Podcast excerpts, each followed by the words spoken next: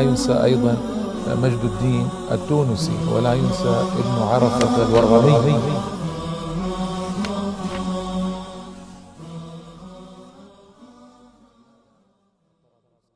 بسم الله الرحمن الرحيم. الحمد لله رب العالمين والصلاة والسلام على سيدنا محمد النبي الأمي الأمين وآله وصحبه أجمعين. أما بعد الإخوة والأخوات السلام عليكم ورحمة الله تعالى وبركاته.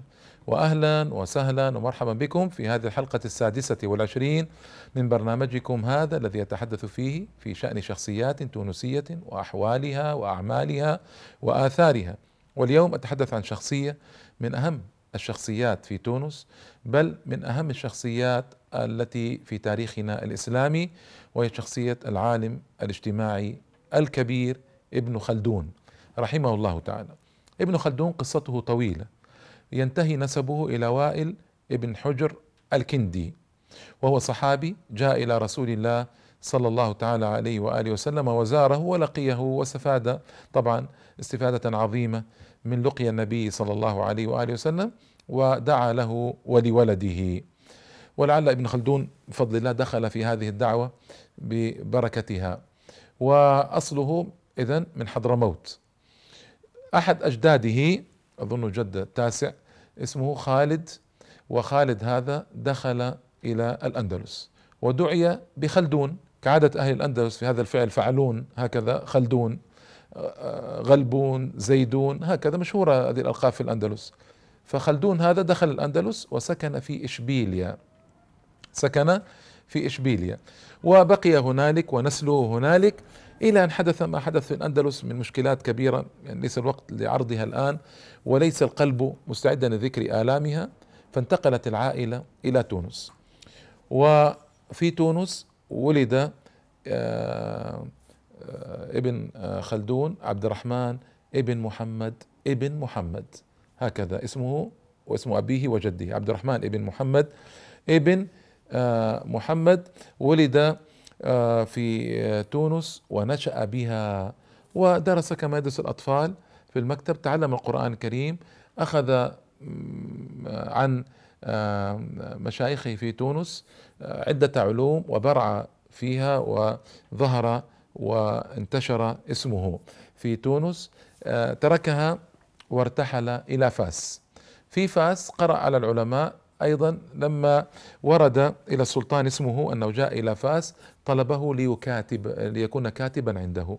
كره ذلك ابن خلدون ما كان من عادة آبائه أن يكتب للسلاطين لكن استمر في العمل واتصل بأمير بجاية وبجاية اليوم في الجزائر.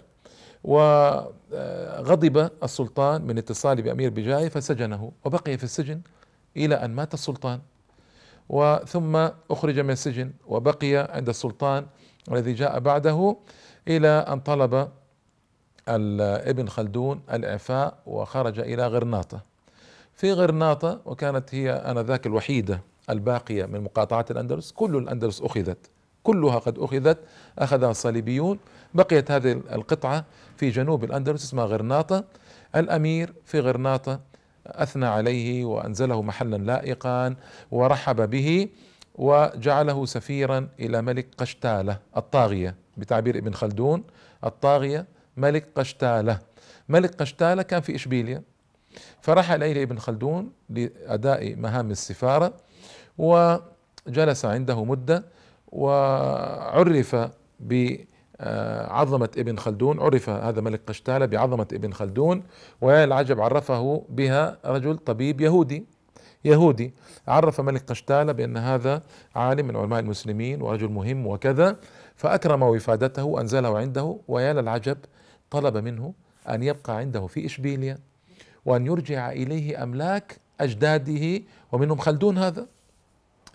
الجد التاسع أو كذا كما قلت لكم. لأن أملاك المسلمين استولوا عليها أولئك الصليبيون لما دخلوا إشبيليا.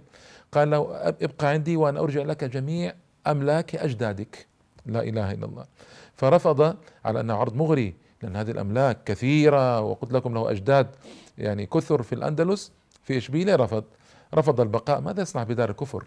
يبقى فيها عاد واستقر في تونس. استقر في تونس ومنها انتقل إلى حج بيت الله الحرام ثم بعد ذلك انتقل إلى مصر.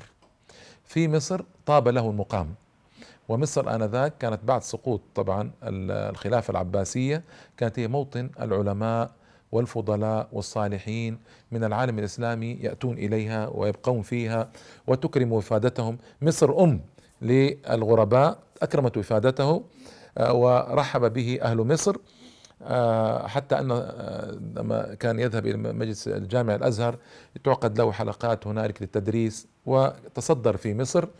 السلطان سمع به أصعده إلى القلعة القلعة المشهورة اللي اليوم تسمى قلعة محمد علي اليوم هكذا اسمها أو قلعة صلاح الدين. المهم أصعده إلى القلعة وعينه قاضي قضاة المالكية. بعض العلماء يكره كلمة قاضي قضاة ويقول إن قاضي القضاة هو الله. جل جلاله فنجعلها أقضى القضاة. يعني آه المهم جعله قاضي قضاة المالكية في مصر. وبقي قاضي قضاء عزل وأعيد عزل وأعيد عدة مرات إلى أن اعتزل القضاء وذهب إلى الفيوم. الفيوم آه، بلد يبعد عن القاهرة قرابة 200 كيل تقريبا فيما أذكر. وبقي يدرس في المدرسة القمحية في الفيوم ثلاث عشرة سنة وبضعة أشهر. لا إله إلا الله. رجل دار هذه الدورة العجيبة في الأرض وذهب إلى فاس وذهب إلى إشبيليا وإلى غرناطة. جنات الدنيا كانت آنذاك. وذهب إلى القاهرة وهي عاصمة من من عواصم الإسلام بل ربما تكون العاصمة الأولى للإسلام آنذاك. يقنع بأن يدرس المدرسة القمحية بالفيوم ويبقى فيها ثلاث عشرة سنة وبضعة أشهر. وللأسف ما جاءتنا آه، تفصيلات عن تلك المدة التي أقام بها في الفيوم. ورجع إلى القاهرة وتوفي بها سنة ثمانمائة وثمانية عن ست وسبعين سنة. عن ست وسبعين سنة توفي سنة ثمانمائة وثمانية للهجرة وذلك لمن ضيع التاريخ الهجري قبل ستمائة سنة و آه، ست وعشرين سنة من الآن قبل ستمائة وست وعشرين سنة. آه، ابن خلدون اشتهر بالكتاب العجيب الذي ألفه في التاريخ. تاريخ ابن خلدون في سبع مجلدات. جعل الجزء الأول مقدمة لكتابه والجزء الثاني آه، ذكر في العرب والثالث البربر والرابع كذا والخامس لأن الكتاب في آه، ديوان العبر كتاب العبر وديوان المبتدأ والخبر في أحوال العرب والبربر ويعني ما شاء الله العناوين للكتب المغربية تكون عدة أسطر. فالكتاب في أحوال العرب والبربر والممالك هنا آه، ابن خلدون ألف هذا الكتاب الرائع الذي يسمى تاريخ ابن خلدون.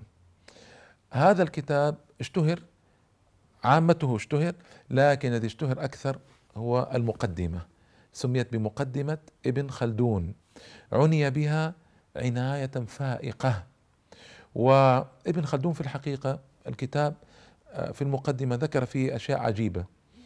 هو ذكر فيه فروع من علم الاجتماع وعلم التربية واوضاع آه، الناس والمعايشة بين الناس والخلطة بين الناس وذكر قواعد حتى أن العلماء يقولون إنه هو أي ابن خلدون في هذا الكتاب المؤسس الحقيقي لعلم الاجتماع. لماذا نقول هذا؟ لأن يعني إيطاليا تفخر بفيكو رجل اسمه فيكو وتقول هذا هو مؤسس علم الاجتماع. وفرنسا تفخر بأوغست كونت وتقول هذا هو مؤسس علم الاجتماع والحقيقة. ليست يعني منا هذه بل حتى من الأجانب يقولون إن ابن خلدون هو المؤسس الحقيقي لعلم الاجتماع قبل فيكو وكونت بعدة قرون بعدة قرون. لكن المصيبة إن للقوم إعلاما ينشر آه، فضائلهم ويذيعها ويهتم بها ويعنى بها. ونحن إعلامنا في الجملة إعلام غنائي راقص آه، تمثيليات أفلام ستار أكاديمي عرب آيدول آه، هذا إعلامنا. وإذا تفرغوا من الفساد الخلقي انقلبوا إلى الإفساد السياسي وطعنوا في الصالحين الذين يمسكون بأطراف السياسة اليوم في عدة دول عربية طعنوا بهم وبمنجزاتهم وبإنتاجهم وإنا لله وإنا إليه راجعون. هذا إعلامنا اليوم. هذا إعلامنا القوي صاحب الميزانيات الضخمة الذي التي لا ندري من أين تأتيه هذه الأموال الهائلة. أما القنوات الإسلامية فعامتها ضعيفة آه، ميزانيته محدودة لا تستطيع أن تنهض أمام ذلك الإعلام. لكن العزاء أن الله سبحانه وتعالى يبلغ الكلمة الطيبة وينشرها في الأرض ويقمع الكلمة الفاسدة مهما كان وراءها من أموال. فابن خلدون رحمه الله يعد المؤسس الحقيقي لعلم الاجتماع.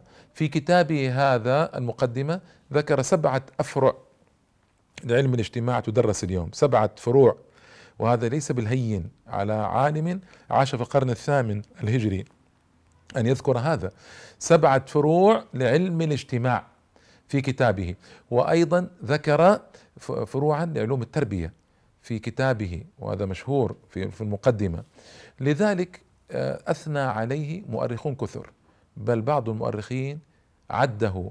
أعظم إنتاج لعقل بشري عرفته البشرية طوال تاريخها. لا إله إلا الله. هكذا بهذا التعبيرات. أعظم إنتاج لعمل بشري من إنتاج عقل بشري على مدار تاريخ البشرية. هذه المقدمة. إلى هذا الحد يعني آه، عنوا بها ومجدوها. لسنا نحن بل هؤلاء مؤرخون غربيون يتحدثون هذا الحديث. وأثنى عليه ثناء عاطرا جدا أرنولد توينبي المؤرخ الأمريكي وليفي آه، بروفنسال وفيليب حتي.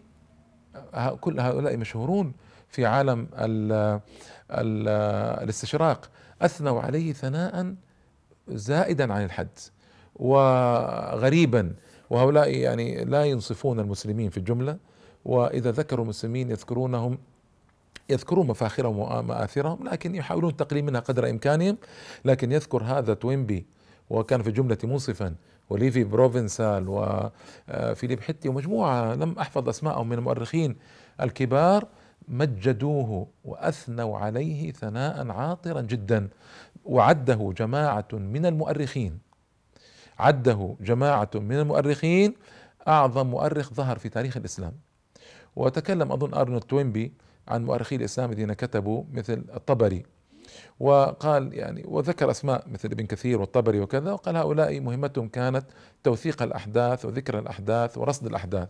أما القفزة التاريخية الكبيرة كانت عند ابن خلدون. ابن خلدون في مقدمة ملأها بمادة نقدية لأحداث التاريخ وهذا أكسب مقدمته أيضا أكسبها أهمية بالغة وأوجد لها ثقة جيدة في نفوس العلماء.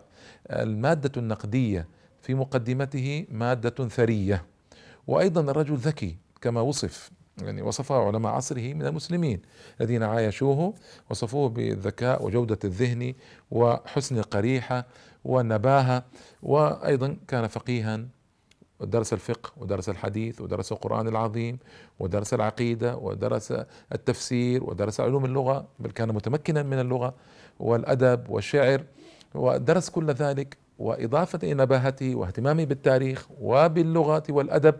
هذا كله أوجد لكتابه طعما خاصا ومذاقا خاصا فكثرت فيه المادة النقدية لأنه عالم شريعة فينقد ما يرويه. وأيضا كثر فيه التحليل وكثر فيه الربط بين أحداث التاريخ على وجه غير معهود عند علماء التاريخ القدامى. لذلك هو يعد في الحقيقة فعلا منعطفا تاريخيا كاملا في سيرة أو سير المؤرخين المسلمين بمقدمته تلك. وبعض العلماء يقول إنه لم في كتاب التاريخ في باقي المجلدات يعني لم يعمل بما ذكره في المقدمة يعني لم ينزل الضوابط والقواعد التي ذكرها في المقدمة على كتاب التاريخ الكبير. لأن هذه المقدمة قلت لكم مقدمة جزء واحد فقط لسبع مجلدات هذا يعني يقول بعض العلماء ربما لم يتفرغ لها ابن خلدون ربما لم يرى ذلك وسرد في ستة أجزاء سرد التاريخ على عادة علماء عصره. ويقول ابن حجر رحمه الله تعالى العسقلاني الإمام المشهور إنه في تاريخه لم يأتي بأحداث المشرق على وجهها. رجل مغربي تونسي مغربي آه، فما أتى بأحداث التاريخ في المشرق على وجهها؟ وهذا معلوم مبين لمن طالع كتابه.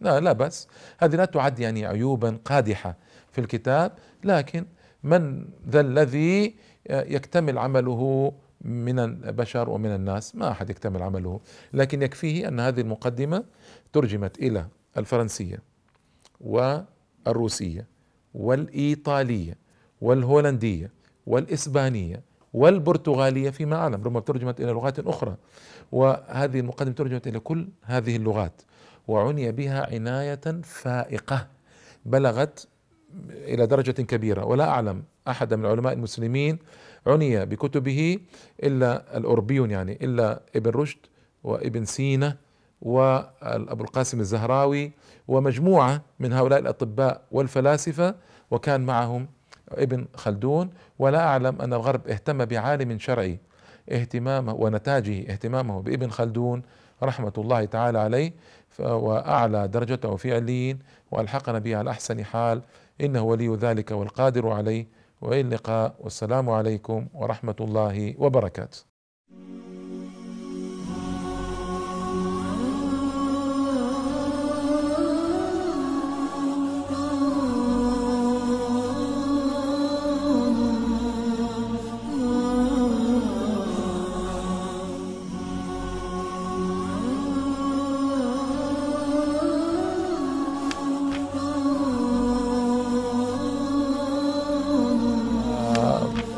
ينسى أيضا مجد الدين التونسي ولا ينسى ابن عرفة الورغمي